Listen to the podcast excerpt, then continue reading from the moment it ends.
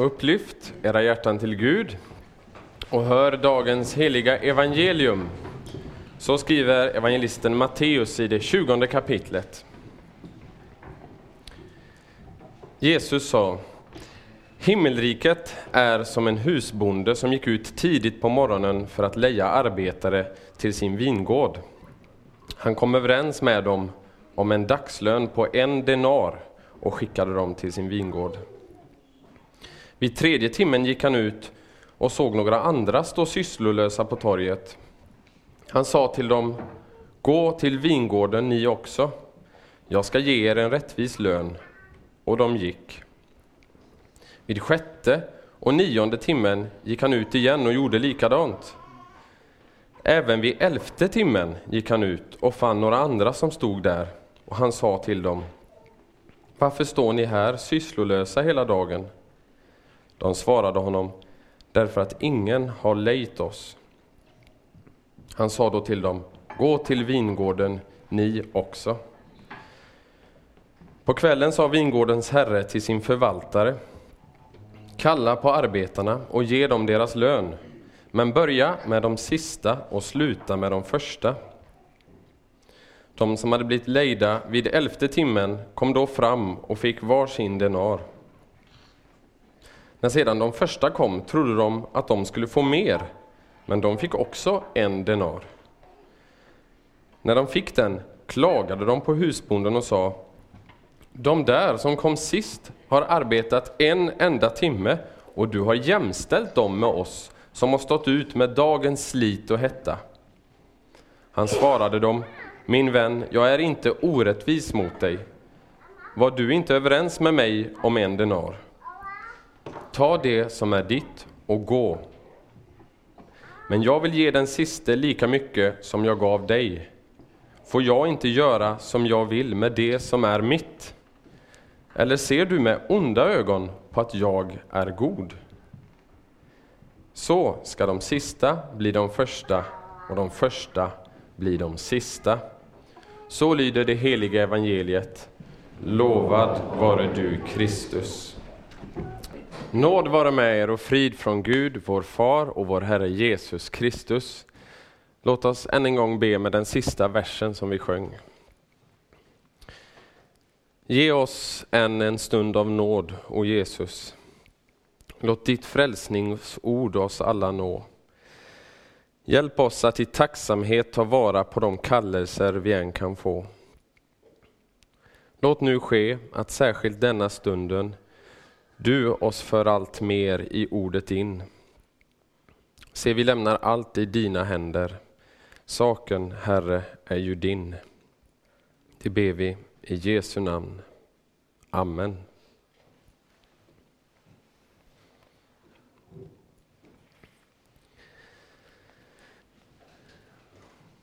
Dagens evangelium, det märkte ni, är en liknelse som Jesus berättar för oss för att beskriva hur det går till i Guds rike. Och Jesus han är ju en fantastisk lärare. Genom att använda liknelser så, som är tagna ur det vanliga livet, det livet som människor känner igen, så blir det han säger begripligt, men det väcker också känslor. I synnerhet då han talar om andliga verkligheter med hjälp av den jordiska verkligheten då han beskriver hur Gud är och hur Gud handlar genom att använda en bild av hur det fungerar hos oss, bland oss människor. Och när han gör det, när han använder en erfarenhet som vi har, men jämför den med hur Gud gör, så dyker det ofta upp oväntade vändningar. Något överraskande. Och det är just de här överraskande delarna som väcker reaktioner. Och idag om vi hörde evangeliet så en gissning att det kunde väckas en känsla av att det här var ändå orättvist. I dagens evangelium så berättar Jesus för oss hur det är i himmelriket, så står det. Och för att förstå liknelsen så måste vi redan från början vara klara med vad som menas med himmelriket.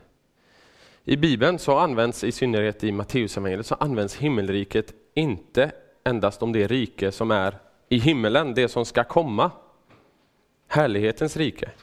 Utan det används om det rike här och nu där Gud regerar på jorden. Gud regerar i och för sig överallt, han har all makt i himmelen och på jorden. Men i himmelriket, eller i Guds rike, där regerar Gud på ett särskilt sätt, nämligen med nåd. Han regerar med nåd i sitt rike och därför så brukar detta ibland kallas för nådens rike. Himmelriket är alltså detsamma som Guds rike, detsamma som kyrkan, församlingen, de kristna. Guds rike, det som vi ber, ska få utbreda sig ännu mer på jorden. Bara så vi har med det så att vi inte tänker på det som ska komma utan det som är. Så dagens liknelse det beskriver hur det är där Gud regerar i sitt rike här på jorden. Men det riket det har också en fortsättning in i evigheten. Så ett rike som finns redan nu och som kommer nå sin fullbordan på den yttersta dagen. Det är det Jesus talar om i dagens liknelse. Han talar om hur det är i Guds rike. Så det beskriver alltså inte, och det behöver vi också redan från början ha klart för oss, det beskriver inte hur det är eller ens hur det ska vara på arbetsplatser här i världen. Men däremot beskriver det just det rike där Gud själv regerar här och nu, i sin församling, i sin kyrka på jorden. Och sättet han regerar på, det är ju som vi märkte helt olikt världens sätt. Här i världen så får vi, åtminstone är det det tanken, vi får det vi förtjänar för vårt arbete. Många gånger, det ska ju sägas, så får man kanske inte ens det. Men det är i alla fall utgångspunkten, det är i alla fall tanken med hur världen styrs. När vi arbetar så får vi lön efter det vi har gjort. Och här i världen så handlar det om skyldigheter och rättigheter. På arbetsplatsen så har man en skyldighet att göra något och det följs av en rättighet att få en lön, att få något. Gör jag inte det som är min skyldighet så tappar jag också bort min rättighet. Så fungerar det här i världen. Men i himmelriket, i Guds rike, i församlingen, i kyrkan, så är det inte på det sättet.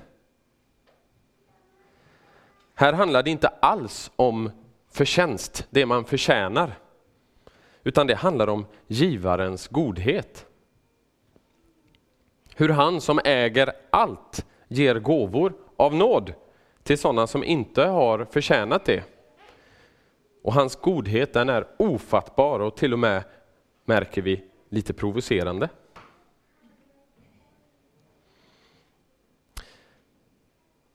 Innan vi går in i själva liknelsen så behöver vi också säga något om varför Jesus berättar den här liknelsen.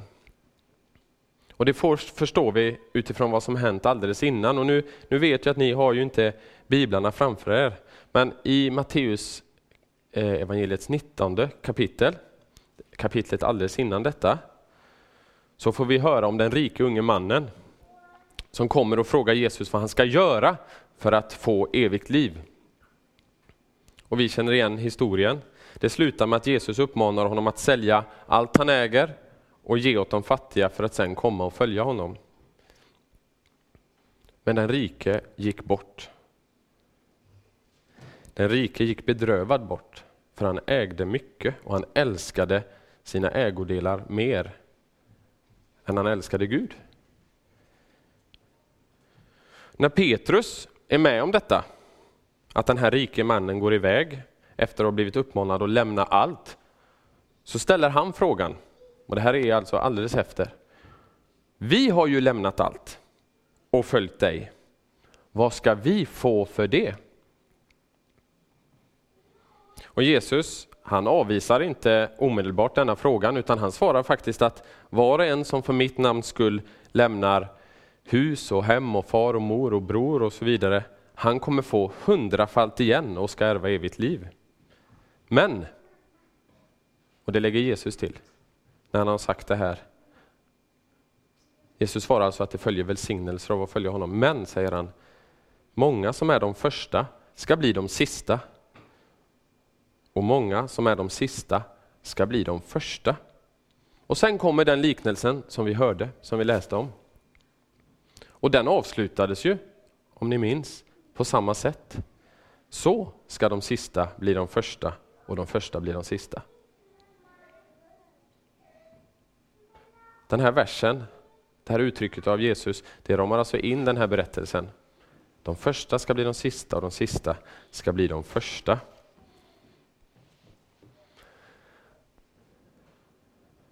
Dagens evangelium handlar alltså om hur Gud sköter sitt rike. Men det handlar också om vår tjänst i Guds rike som kristna. Det handlar om våra gärningar och välsignelsen av dem. Och det första som jag skulle vilja slå fast utifrån dagens evangelium, det är detta. Gud kallar varje människa till tjänst i sitt rike. Gud kallar varje människa till tjänst i sitt rike. Himmelriket är som en husbonde, sa han, som gick ut tidigt på morgonen för att leja arbetare till sin vingård. Och redan här i den första versen i liknelsen så märker vi något som gäller i Guds rike. Det är inte arbetarna som söker jobb. Det är inte de som kommer till husbonden som är en bild av Fadern, utan det är Gud själv som går ut för att kalla människor till sitt rike, till sin vingård och tjänsten där. Det är Gud som går ut. Det är Gud som söker upp. Jesus säger i Johannes evangeliets sjätte kapitel, ingen kan komma till mig om inte Fadern som har sänt mig drar honom. Gud söker upp människor. Och han är personligt involverad i sin kallelse. Tidigt på morgonen, står det i liknelsen, då är han på väg. Då är han på väg ut för att söka. Så mån är han om att kalla människor till sig och sitt rike. Och Sen använder Jesus bilden av daglönare för att beskriva oss människor. Och Daglönare det var sådana arbetare som saknade arbetstrygghet kan man lugnt säga. Varje dag så fick de ställa sig på en offentlig plats, förmodligen på torget, och hoppas att någon skulle komma och erbjuda dem arbete. Och de kunde aldrig veta, får jag något jobb idag? Och fick de jobb så kunde de aldrig veta, har jag något arbete imorgon? Och så här fungerar det ju på olika ställen i världen än idag. Eh, det vet jag, men det fungerar ju sällan så i Sverige. Om en sån här daglönare inte fick något jobb så hade de ingen försörjning alls för sig själv eller för sin familj. Och vi kan ju förstå att det var, måste ha varit förenat med en hel del oro för framtiden. Att stå där. Den första gruppen arbetare som vi möter i texten, det är nästan så om jag får be tekniken att lägga upp texten, för att om jag nämner olika saker så är det lite lättare att följa med kanske.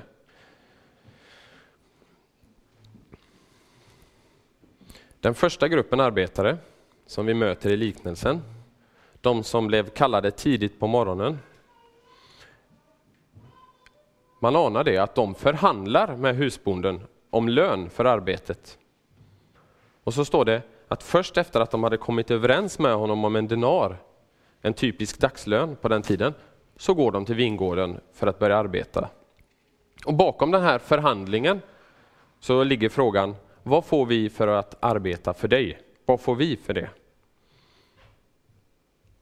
What's in it for me? Och det här, jag säger det än en gång, nu pratar, det är ju helt rimligt här på jorden att fråga sig vad, vad kommer det här att ge? Men nu talar vi om Guds rike. Så de kommer först överens, de förhandlar med husbonden om vad de ska få för sitt arbete. Och så börjar de arbeta. Sen står det att Gud går ut och söker vid den tredje, sjätte och nionde timmen. Tredje, sjätte och nionde timmen, det är klockan nio, klockan tolv och klockan tre. Och när vi läser i texten så ser vi att här diskuteras ingen lön. Utan husbonden säger till de här som har stått där, gå ni till vingården också. Gå också ni till vingården.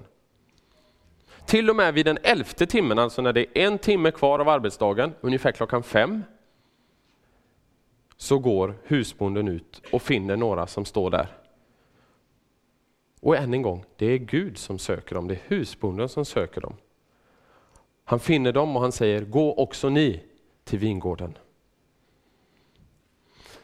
Då Jesus berättar den här liknelsen första gången för sina lärjungar så har han redan överraskat dem när han har kommit så långt i, i liknelsen.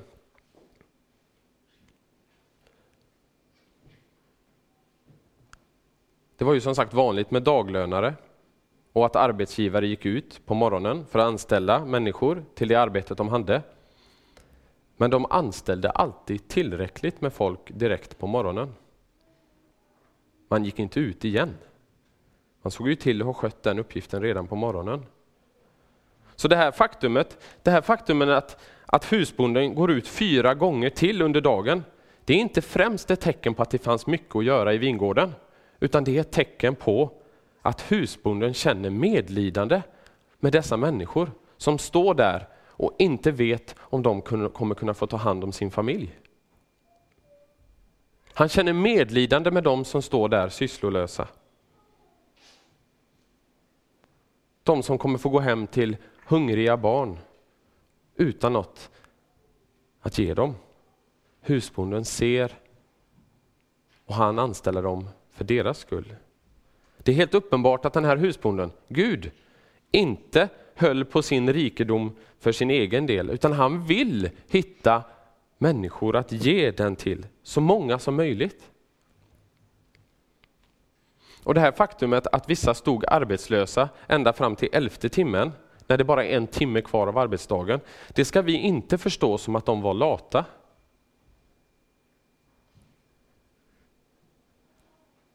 Som svar på husbondens fråga den elfte timmen, den sista timmen, när han frågar varför står ni här, så säger de därför att ingen har lejt oss.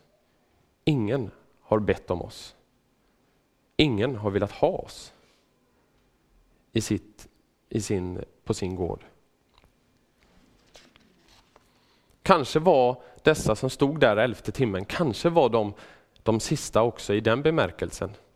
Att de hade stått där redan tidigt på morgonen, men varit sådana som kanske inte hade samma fysiska, eller fysiska förutsättningar eller förmågor som de andra som stod där. Och som därför gicks förbi, inte anlitades.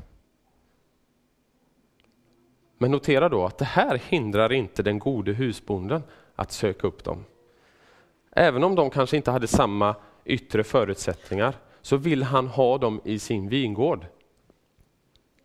De må vara de sista i världens ögon, de som människor går förbi. Men i Guds ögon så kommer de få bli de första. Kanske är det så att du någon gång upplevt dig vald sist, eller kanske till och med borträknad. Jag har själv vissa minnen av när man skulle dela upp fotbollslagen i skolan. Inte all, det var inte alltför sällan som man tillhörde, som det kallas för, klabbet. resten. Först valdes de som var duktiga och sen så, vad gör vi av resten? Ja, ni får klabbet, sa de. Ja, så kan det vara. En, och det gällde bara fotboll. Hur, hade det, hur är det då när man stod där och behövde en plats för att försörja sin familj? Och hur är det då här i världen att känna sig helt förbisedd, vald sist? Om du har den erfarenheten, som jag tror att många har, så vill jag att du verkligen ska ta med dig den här påminnelsen av Jesus idag. Och jag, jag påminner med ett ord från Gamla Testamentet. En människa ser det som är för ögonen, men Herren ser till hjärtat.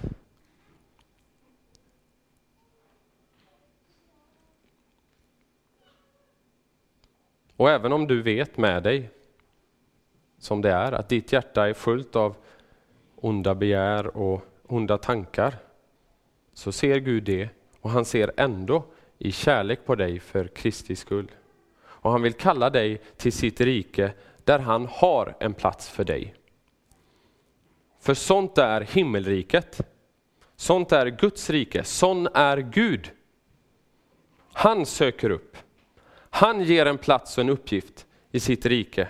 Inte för att han behöver din tjänst, utan för att du behöver honom och han vill ge dig av sin överflödande godhet. Som det står i en sång som vi ska sjunga senare. Och fast du ej behöver en ringa tjänst av mig, ge mig den nåden, Herre, att ändå få tjäna dig. Gud söker upp.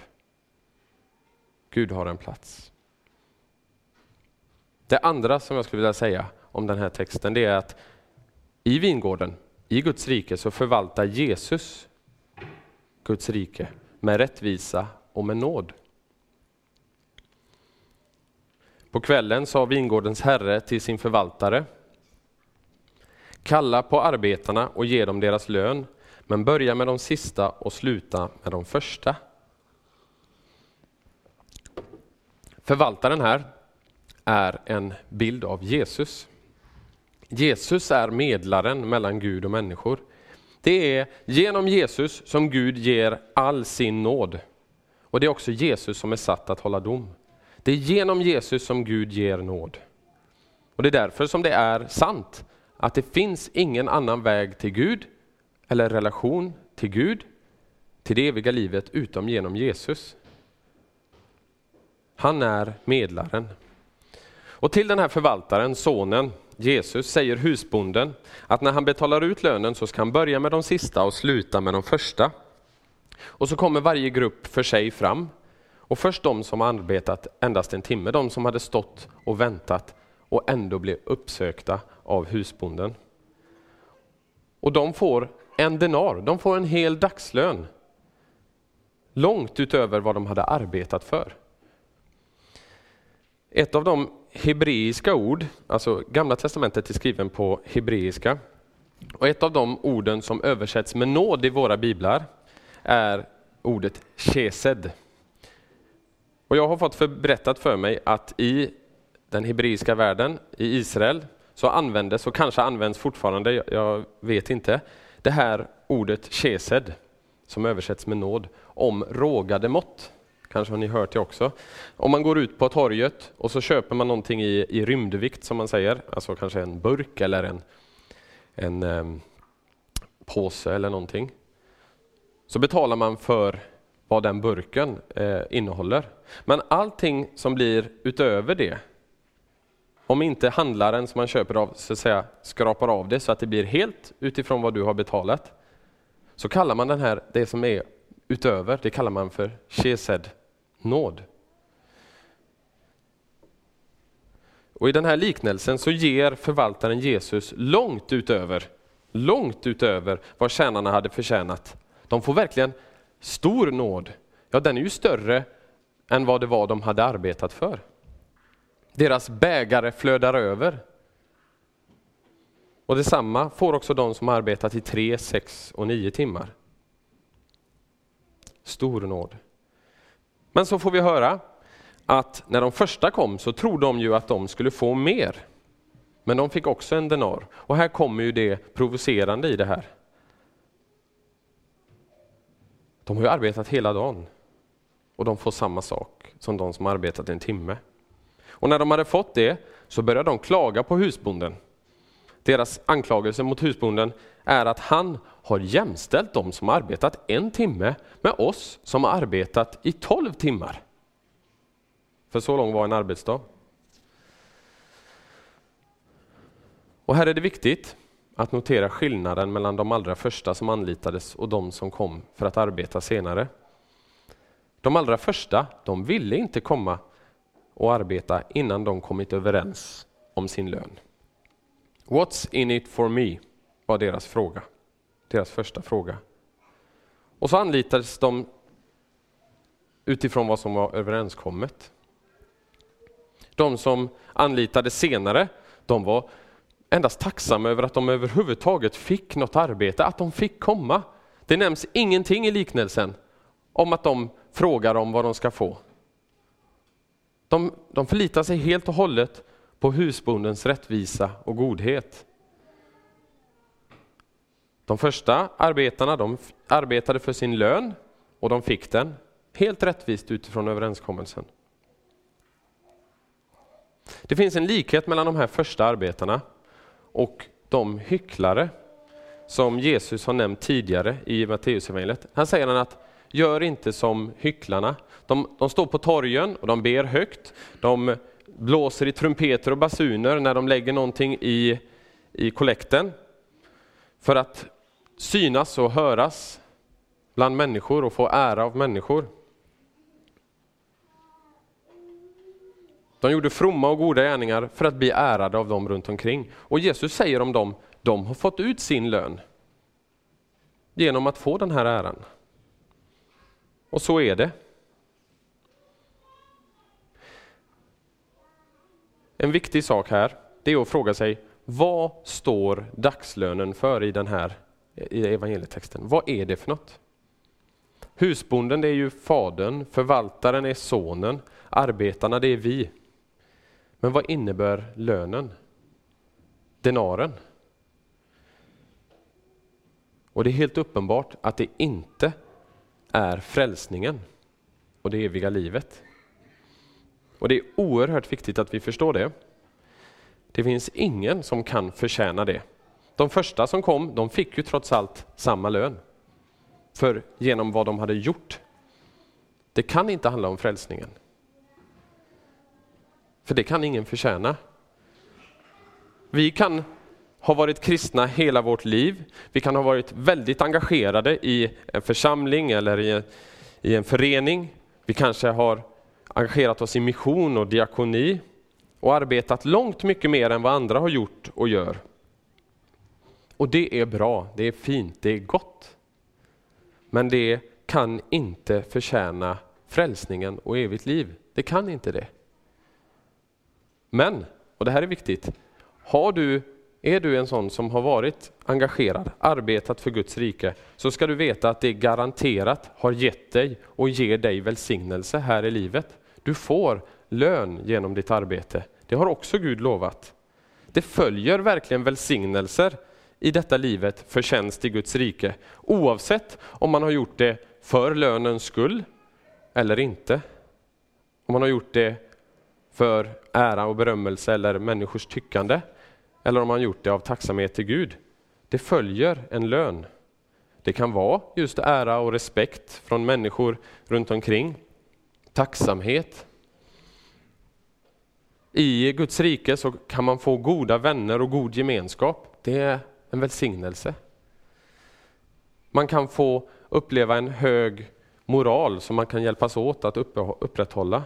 Man kanske genom att vara del av en församling och ett kristet gemenskap får ett sinne som kan få bli bevarat från mycket som, som annars skulle smutsa ner det och istället riktas mot någonting som är gott. Det är en välsignelse. Och dessutom säger Jesus i kapitlet innan att, att de som ger någonting för Guds rikes skull, de kommer få hundrafalt igen. Att göra goda gärningar, att göra det som är gott, det ger välsignelse här i livet också. Ingen kommer kunna säga på den sista dagen att Gud, du är skyldig mig någonting för allt jag har gjort. Han kommer att ge och han har gett. Sen kan det vara så att vi frågar efter något annat, men han ger. Vi är välsignade.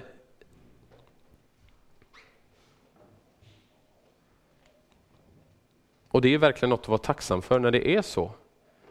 Alla de här välsignelserna som jag tror att det kanske är så att vi allihopa som har varit, funnits med i den kristna kyrkan på ett eller annat sätt tar för givet.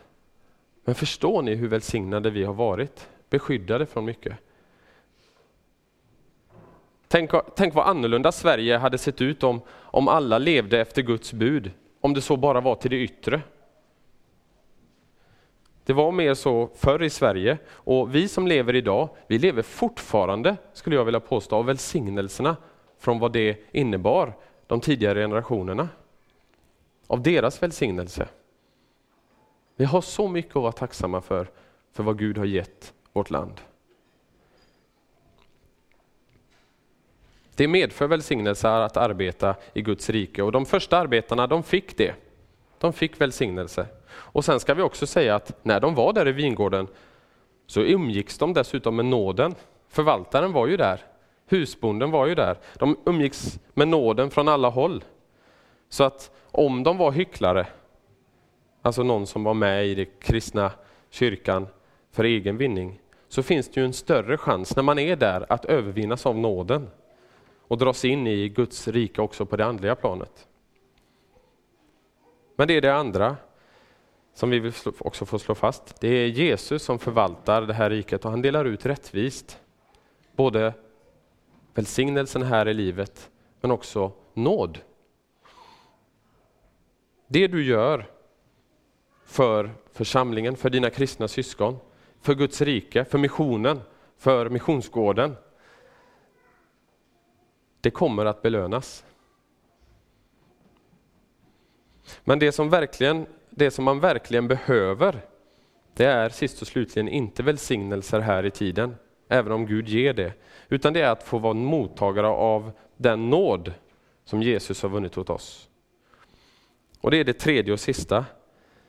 I Guds rike är det enda som består även efter detta livet vad Jesus har gjort och ger till oss. Och han ger det helt oförtjänt. Jag hoppas att jag har varit tydlig och sagt att denna liknelse inte främst handlar om frälsningen och det eviga livet. Denaren är inte frälsningen och det eviga livet. Man kan inte förtjäna det. Och det förstår vi av de här första som ju fick det. Men vad som däremot finns med i denna liknelse, det är den självförståelse och attityd gentemot Gud och hans nåd som får betydelse även inför den sista dagen. Till slut så finns det bara två slags människor. De som säger till Gud, ske din vilja. Och de till vilka Gud säger, ske din vilja. De som säger det till Gud, eller de till vilka Gud till sist får säga, ske din vilja. Och de här två slags människorna, de finns med i liknelsen i form av de första och de sista. Och det ger oss alla anledning att fråga oss själva, hur är det med vårt arbete i vingården? Vilken grupp tillhör vi? Finns vi med i Guds rike för att förtjäna välsignelser, och att det är det vi är ute efter, som de första.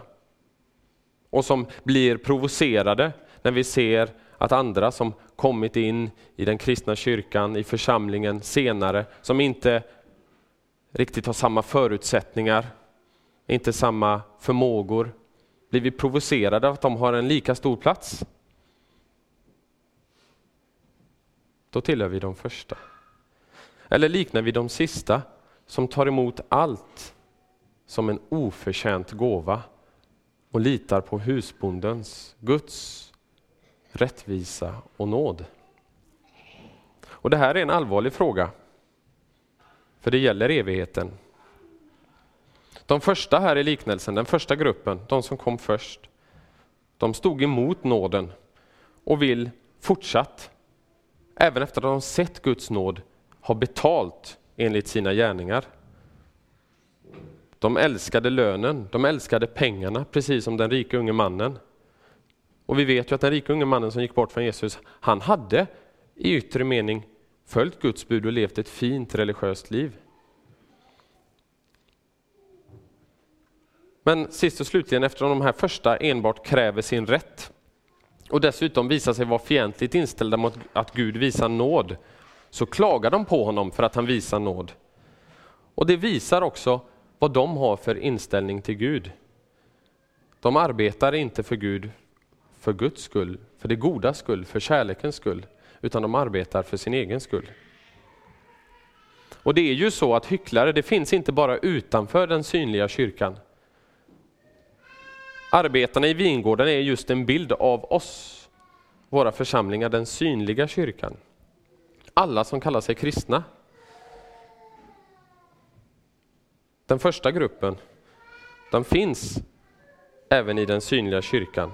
Och Det är just därför som Jesus ger apostlarna varningen att inte arbeta med en inställning som hela tiden frågar, vad ska vi få för det här? Som Petrus frågade.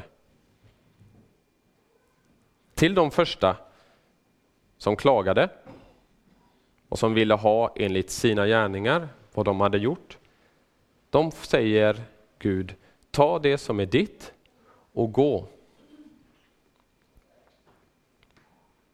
Det liknar det som Jesus säger i sjunde kapitlet i samma evangelium, Matteus sjunde kapitel. Inte alla som säger Herre, Herre till mig ska komma in i himmelriket, utan den som gör min himmelske fars vilja. Många ska säga till mig på den dagen, Herre, Herre, har inte vi profeterat med ditt namn? Har inte vi drivit ut onda andar i ditt namn och gjort många kraftgärningar i ditt namn? Men då ska jag, säger Jesus, säga dem sanningen. Jag har aldrig känt er. Gå bort från mig, ni förbrytare.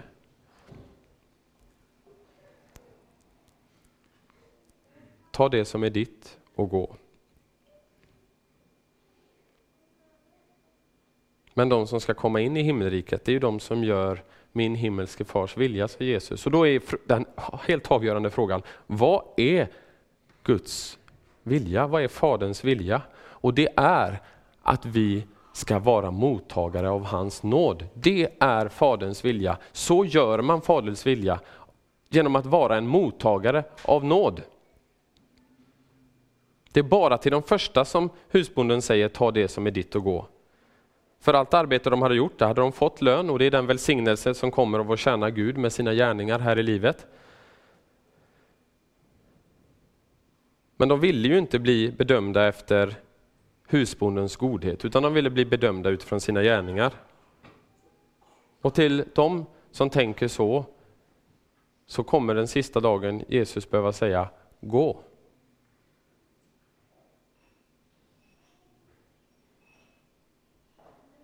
Till de andra, de som hade blivit kallade senare på dagen.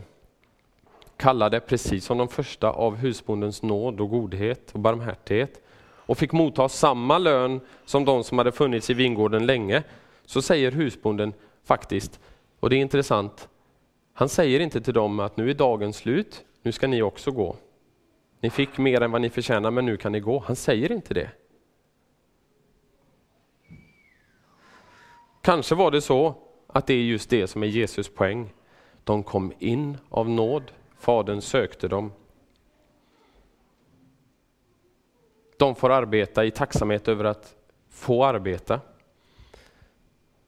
De får lön utöver, de får nåd långt utöver vad de förtjänar. Och även efter arbetsdagens slut så är de kvar hos husbonden som vill behålla dem hos sig av nåd.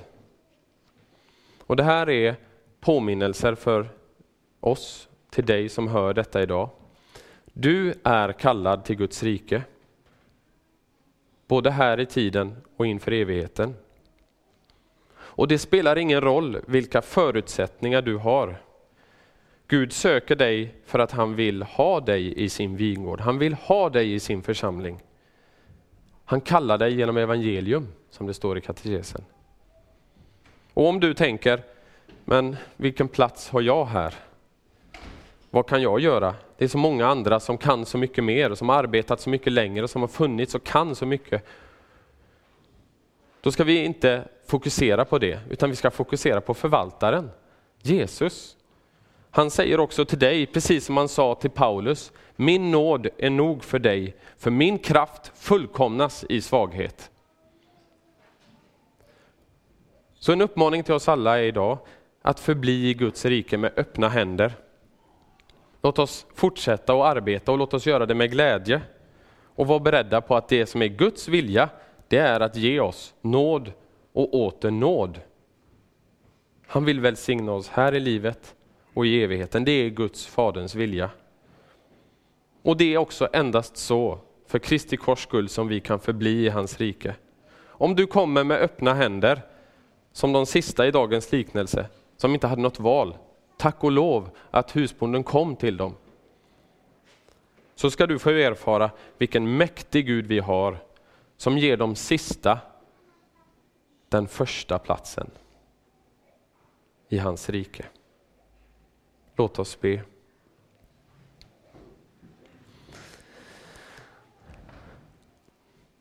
Herre vår Gud, himmelske far, vi tackar dig för att du i din stora nåd vill ta oss i din tjänst i ditt rike. Och att du genom ditt ord har kallat oss till arbetare i den vingård som är ditt rike. Vi ber dig, hjälp oss genom din heliga Ande att troget arbeta i vår kallelse. Av glädje lyda din vilja och sätta vårt hopp endast till din nåd som uppenbarats och ges oss genom din Son Jesus Kristus, vår Herre. Amen.